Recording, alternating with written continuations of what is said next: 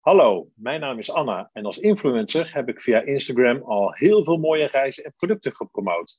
Ook jullie producten passen perfect bij mij en mijn volgers. Zou, graag zou ik een samenwerking willen aangaan. Lijkt het jullie ook leuk om hierover te kletsen?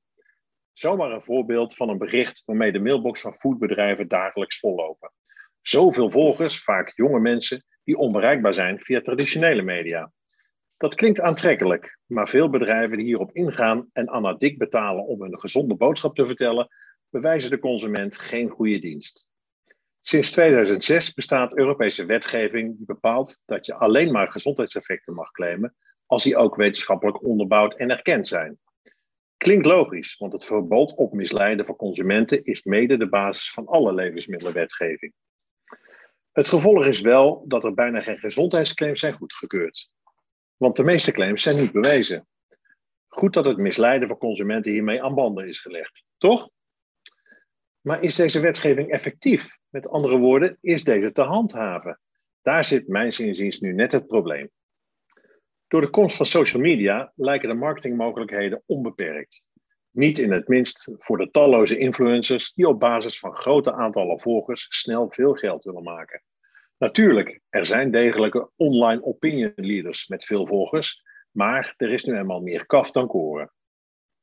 Veel mensen vertrouwen een aanprijzing via social media door een bekende Nederlander of een influencer. De geloofwaardigheid is groot.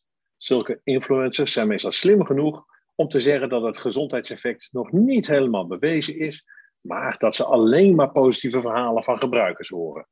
Dus drink mijn appelazijn, al dus Rens Kroes.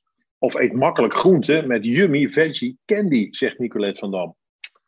Naast de strenge claimswetgeving bestaat ook aangescherpte zelfregulerende reclamecodes voor voedingsmiddelen. Deze regels zijn bijvoorbeeld om kindermarketing tegen te gaan, eh, maar ze helpen onvoldoende. Overclaimen is, zeker op social media, eerder norm dan uitzondering. Door de veelheid aan wetgeving en zelfreguleringscodes begrijpen reclamemakers en bedrijven de regels zelf ook onvoldoende. De geringe kans dat zij worden aangesproken weegt overigens ook niet op tegen het gewin. Dit lokt consumentenmisleiding uit. Wie influenced de influencer? Om ervoor te zorgen dat ze minderloze beloftes verkopen, moeten foodfabrikanten hun reclamebureaus beter brieven en zelf strikt erop toezien dat de regels juist worden gehanteerd. Als dat niet werkt, zal de overheid flink moeten inzetten op handhaving.